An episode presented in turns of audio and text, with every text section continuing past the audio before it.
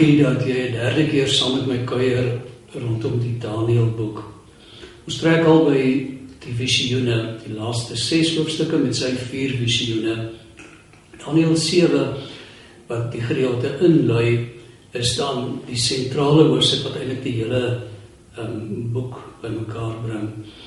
Wat vir jou sê wat gebeur in die geskiedenis? Dit stel 'n skema van die geskiedenis op wat herhaal word elke male En wat eintlik net een doel voor oë het en dis om vir jou te sê kyk hoe regeer God oor alles en almal. Nou staan hy nie net meer 'n karakter nie, maar is ook hy self wat aan die woord is. Die tema van hierdie boek het vir jou en my ook waarde te midde van die corona krisis en inperking. Wat dit vir jou sê dit wat in die geskiedenis gebeur is 'n refleksie van dit wat in die onsigbare wêreld gebeur waar bose en en goeie magte teen mekaar baklei en wat daar gebeur word hier gereflekteer maar bokant dit alles staan God die almagtige wat die uitkoms van daardie stryd en van ons stryd voor die tyd bepaal het. Die gang van geskiedenis word deur hom bepaal en die uitkoms en bestemming daarvan net so want hy regeer. Daarom gaan dit nie in die eerste plek in hierdie boek om geskiedenis of oor toekoms nie, maar om die teologiese boodskap. As jy hier gaan soek na 'n datum vir die eerste of die tweede koms van Christus of wat die prosedure in die eindtyd gaan wees, gaan jy gaan jy jou tyd mors. Want dit gaan hier om God wat in beheer van alles is. Selfs te midde van 'n wêreld wat onregverdig is. Hoe kan ons sin maak van hierdie wêreld? Daniël boek gaan vir jou leer. Daniël sien 'n droom vier groot diere. Dit staan vir vier ryke, miskien die die ehm um, Babiloniërs, Perse, Mede, die Grieke. Die laaste ryk is die groot en vreesaanjaende een en as uh, Alexander die Grote sterf, so hier in 322 voor Christus dan het hy nie 'n troonopvolger nie, sy vier generaals kom aan bewind, hulle regeer en, en een van hulle se navolger is uiteindelik aan die hooges vier Epiphanes, die Selekiet wat oor die Jode regeer en dis in sy tyd wat hierdie verhale oor vertel word om Jode moed te gee. En hierdie klein horingkie aan die hooges vier Epiphanes sê die droom trek teen die allerhoogste te velde en teen die heilige mense van God en hy staan op uit om die vaste tye en wette te verander en hulle sal in sy mag kom vir 'n tyd tye en 'n halwe tyd. Nou, daai tye verwys na die godsdienstige feeste van Israel se godsdiens. Die wet verwys na die Torah, Moses se wet. Die tyd tye en 'n halwe tyd dui op 'n lang periode, 3 en 'n half jaar, maar wat begrens is. En wat vir jou sê, voor hierdie koning klaar regeer het en die helfte van sy 7 jaar regering sal sy mag deur God gebreek word. En iemand wat in hierdie boek dan hierdie hierdie vertelling ook 'n rol speel, is die oue vandaan. Dit verwys nie na iemand wat oud is nie, maar iemand wat ewigdurend bestaan, suiwer en wys. Daniël 7 wil sê, my en jou heil is nie verbind wat aan wat hier op aarde gebeur nie maar wat verby die aardse strek. Daniël 8 en nou skielik word die vertelling in Hebreëus voortgesit. Sê vir jou en dit wat jy hier beleef gaan slegs vir 'n vasgestelde tydperk wees. Dit gaan weer oor geskiedenis al word dit in die vorm van profesie gegee. En dit gebruik die veronderstelling as ons glo in God, sal ons ook glo dat daar in ons geskiedenis en dit wat met ons gebeur 'n betekenis opgesluit is. En die doel van die vertelling is om vir jou te sê en as daar vervolging kom, as jy swaar trek, kan jy bemoedig word om te volhard. Want God besluit wat die einde daarvan gaan wees. Dis gewaar word. Daniël sien 'n ram met twee horings en dan 'n bok vanuit die ooste wat kom en daardie ram vernietig. En bok het vier horings en een van hulle het 'n klein horingkie gekom. Daar het jy nou weer die die beeld van Alexander die Grote wat die Persiese ryk vernietig Hy sterf, vier van sy generaals kom aan bewind. Een van hulle se nakomeling is 'n klein horingkie wat magtig ook teen Israel uitgroei. En hoe lank gaan dit duur dat hy die volk van die Here gaan um, vervolg en en hulle laat swaar kry 2300 dae. Gabriel sê Daniel, jy moet verstaan dat hierdie visioen te doen het met die eindtyd. Dadelik dink ek en jy, dis nou die tyd net voor die wederkoms. Ons mag nie so dink in die eerste plek nie. Ons moet die eerste plek sê wat het die die oorspronklike hoorders gehoor? 6de eeu, 2de eeu. Hulle beleef die eindtyd. Dit dit voel soos die einde van tyd, die krisis waardeur hulle nou gaan. Wat sê God vir hulle? En eers as ons dit klaar gehoor het, dan kan ons na ons situasie beleef, die krisis wat ons beleef, wat vir ons soos eintlik voel. Ons kan hoor wat die Here vir ons wil sê. En die gedeelte wil vir jou vra hoekom hierdie lyding, nie hoe lank gaan hierdie lyding wees nie op die op hoekom het Daniël reeds in die vorige hoofstukke gehoor, dis omdat ons wêreld in die mag van bose magte is wat buite beheer geraak het magte wat hulle self reglynig teenoor God gesitueer het. Maar op die vraag hoe lank wil Daniël 'n boodskap uh, uh, antwoord gee? Sy 'n antwoord gee. Want dit sal jou en my help om te kan volhard. 'n Bemoediging vir alle gelowiges wat in die wêreld se magte lê. Hoe lank? 'n Vasgestelde periode. God trek die grense daarvan. Dit kan nie 'n oomblik langer wees as dit nie. Hy's die waarborg dat dit slegs so lank sal gebeur. 2300 aand dit aande en oggende, die Joodse aand het nou die Joodse dag het in die aand begin en die volgende aand geëindig. Dit verwys hier na aandoffers en oggendoffers. Aan die woorde 1100 1050 dae. 1150 dae. Iets meer as 3 jaar. Presies die lengte van die tyd wat Antiochus is um, die heiligdom onteer varkeslag in die tempel aan sy gode wy en die dag dat Judas Makkabees Jerusalem instap en die tempel bevry van die Seleukidese mag. En kom ons by Daniël 9 die die die derde en die tweede uh, visioen, die tweede laaste visioen. God regeer selfs oor die onheilse geskiedenis. Dis waaroor dit hier gaan. Dit begin deur te vertel Daniël het gehoor wat Jeremia sê dat daar 'n grens aan die ballingskapsperiode is. Onthou Daniël leef tydens die ballingskap. Hy's in Babilonie 70 jaar. En nou begin hy ernstig bid en vas en God se aangesig soek en hy vra dat God tog daardie profesie sal eer en die ballingskap binne daardie grens tot 'n einde sal bring. Um, ek het aangehou om te bid en my en hierdie belangrike woorde my volk se sonde bely. Kollektiewe sonde. Die groep se sonde, die volk se sonde lei tot strukture wat maklike samelewing kan inneem en oorwoeker. En Daniël tree in vir sy land, vir sy volk, vir sy mense, vir sy samelewing en hy soek na God se barmhartigheid vir hulle. Terwille van u self, Here, tree op want u naam is oor u stad en volk uitgeroep. En dan kom Gabriël by hom en, en Gabriël sê vir hom dat daar drie tye vas is. Al daai 70 jaar waarvan Jeremia gepraat het, is eintlik 70 eenhede van 70. 70 jaarweke of dan 490 jaar. Drie tydperke is is 7 jaar weke of 49 jaar wat kom begin het met die opdrag dat Jerusalem herstel moet word totdat 'n gesalfde kom, 'n leier kom wat deur God uitverkies is, verwys waarskynlik na Seri Babel of Esra.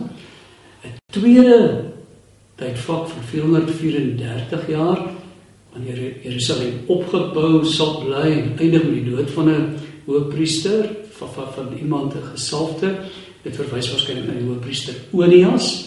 Dis nou in die tyd van Antiochus IV Epiphanes en dan 'n derde 7 jaar periode, 'n tyd van swaar verdrukking waar tydens die offerdiens afgeskaf sal word wat eindig met die oordeel oor die verdrukker.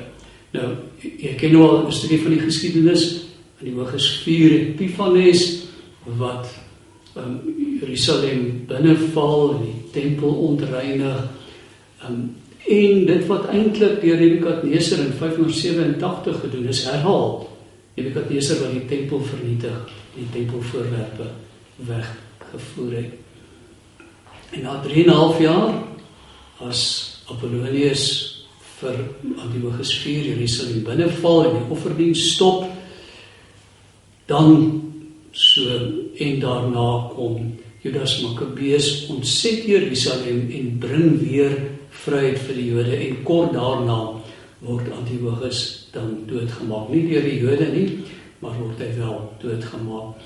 Dis die hoogtepunt van die van die boodskap. Nadat die regerder die volk van Jahwe en Jahwe verneder het, Nebukadneser sowel as Antiochus 4, sal oor hom losbars wat Jahwe lank voor die tyd reeds bepaal het.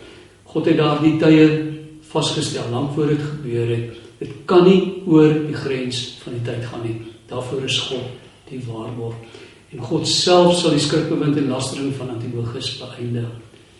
Want hy is in beheer selfs van die onheilsgeskiedenis wat ek en jy beleef is hy in beheer en hy die grens daarvan vasgestel.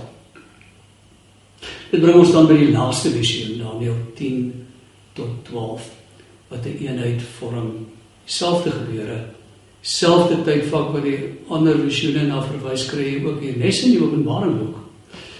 'n Hemelwese verskyn op die toneel om die hoorder vir die visioen voor te berei word die openbaring beskryf in die laaste deel word dit uitgelê. En dit vorm dan die hoogtepunt van die boek.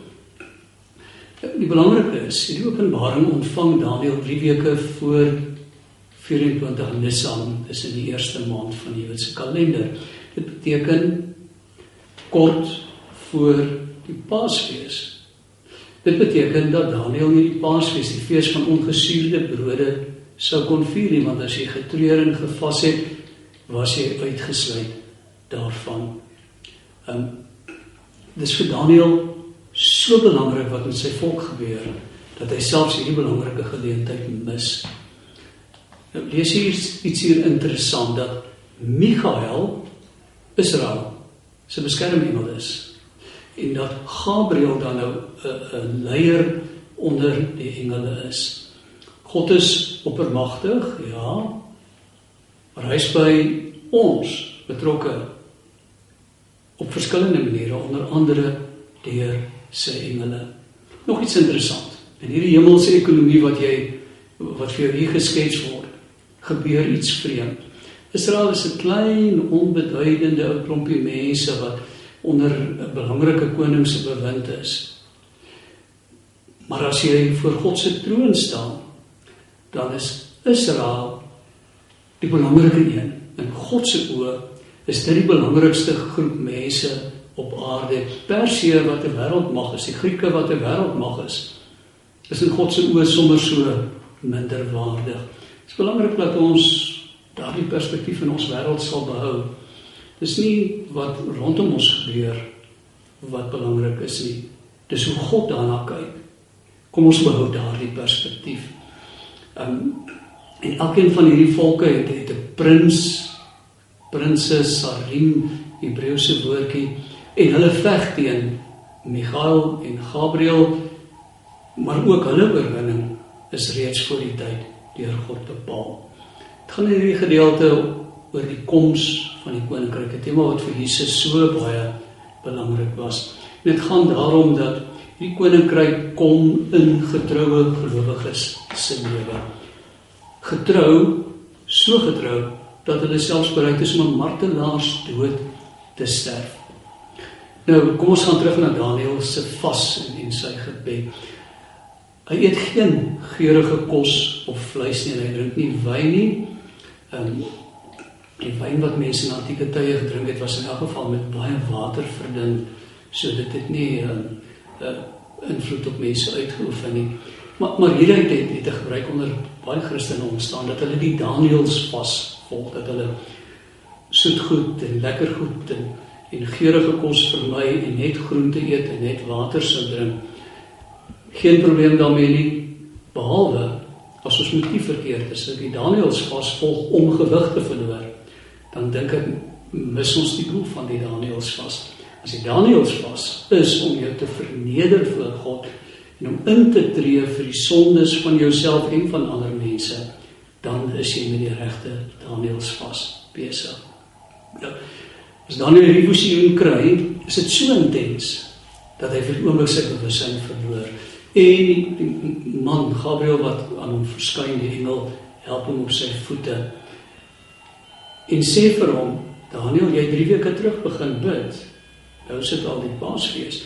Maar weet jy wat God het die eerste keer wat jy gevra het, jou reeds gehoor. En my het 'n boodskap na jou toe gestuur. Maar kon nie by jou uitkom nie.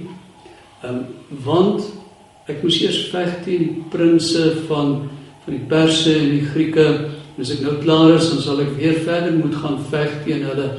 En dis net Michael, julle beskerm engel of aanvoerder wat my ondersteun. Wat hy eintlik vir Daniel sê, die arrogante koning, Nebukadneser later Antiochus 4 vervolg julle omdat julle getrou aan God wil wees. Um, en wanneer julle God se aangesig soek en dit lyk of daar geen antwoord kom nie, mag julle verseker weet hy het julle gehoor. Al sien julle nog nie die uitkoms nie. Waar's God? Ons roep dan na hom, ons bid so ernstig. God het reeds geantwoord. En soms realiseer, realiseer sy antwoord eers sodra die eintlike stryd wat deur die onsigbare magte gevoer word verby is. Maar wat saak maak? Die uitslag van daardie stryd is gewaarborg. Met hoofstuk 12 breek dan 'n beskrywing aan van hoe God se einde gaan lyk, die einde wat God gaan laat aanbreek, aanbreek. Die die skrywer projekteer die finale veldslag waardeur Antiochus 4 aan sy einde gaan kom op die hemel Want dit is vol belangrik om vir die volk te beduie, nie hulle blind staar teen wat hier gebeur nie. Kyk teen die hemelse doek, wat die werklike betekenis is in God se oë van wat hier gebeur. Ehm um, Michael wat lei vir julle, hy sal die oorwinning namens julle behaal. Die swaar verdrukking en vervolging wat julle onder aan die hoë skuur lê, sal beëindig word en dis direk aan God wat vir jou die waarborg daarvoor gee. En dan verder wil ek nog iets sê. Dat dit nog nie die einde van die moeilikheid is nie, nee. Dat daar ook 'n finale einde gaan kom wat verby die huidige stryd. Die einde van die stryd teen Antiochus word as ware in die verre toekoms ingeprojekteer om van God se finale oorwinning oor alle bose magte te praat. En dis natuurlik op ons van toepassing die wêreld waarin ons leef wat ons miskien baie daar moedeloos maak dat ons in hierdie wêreld mag raak sien dat dit ook 'n einde gaan hê en dat daardie einde deur God bepaal is en dat die grens tot waar hierdie ellende kan duur vooraf bepaal word. Selfs al is daar nie redding vir gelowiges in hierdie wêreld as loon vir hulle getrouheid nie sal beloning volg. Die getroues sal by die dood opgewek word. Dis aan die eerste keer in die Hebreëse Bybel, die Ou Testament wat jy verwysing na die opstanding vind. Een van die eerste stemme. Dit lyk asof die teks wil sê sommige of baie mense dit op beide maniere kon vertel. Net sommige of baie van die getroues gaan die opstanding deel agtervoort. Ek dink wat wat hier gebeur is dat die die verteller wil beklemtoon dat die mense wat die martelaarsdood gesterf het, heel voor in die ry gaan staan. En dan hoe lank gaan dit nog vat voor die einde kom? En dan sweer Gabriël by hom wat ewig lewe 1290 dae. Daar het dit weer 'n tyd en tye en 'n halwe tyd. So plus minus 3 en 'n half jaar.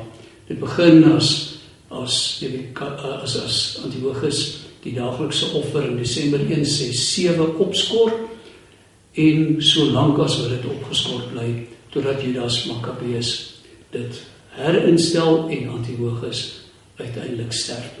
En dan kry jy nog iets. 'n Tweede datum word gegee, 1335 dae tot by die einde. Wat veroorsaak hierdie klompie ekstra dae? Ons weet nie. Verstaan jy hoekom dit nie teks voorkom nie?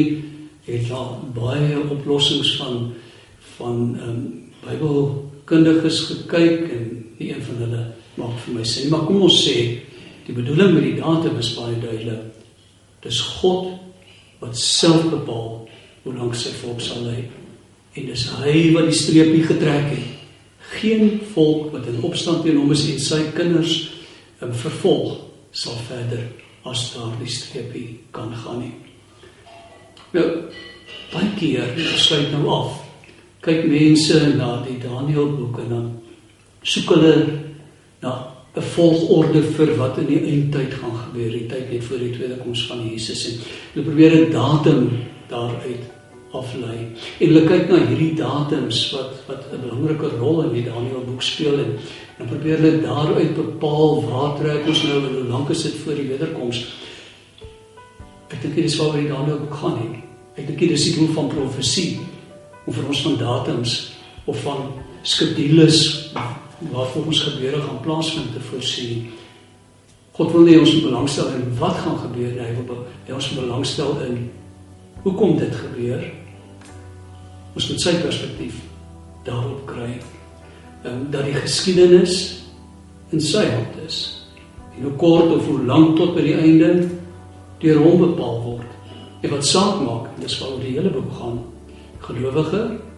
Daarom is dit so belangrik dat jy getrou sal bly, dat jy geduldig in die geloof sal volhard, dat jy nie moedeloos sal word met hierdie wêreld jou wiele vir jou af blaas nie, want die eindtyd sal aanbreek en elkeen sal dan sy bestemde deel ontvang.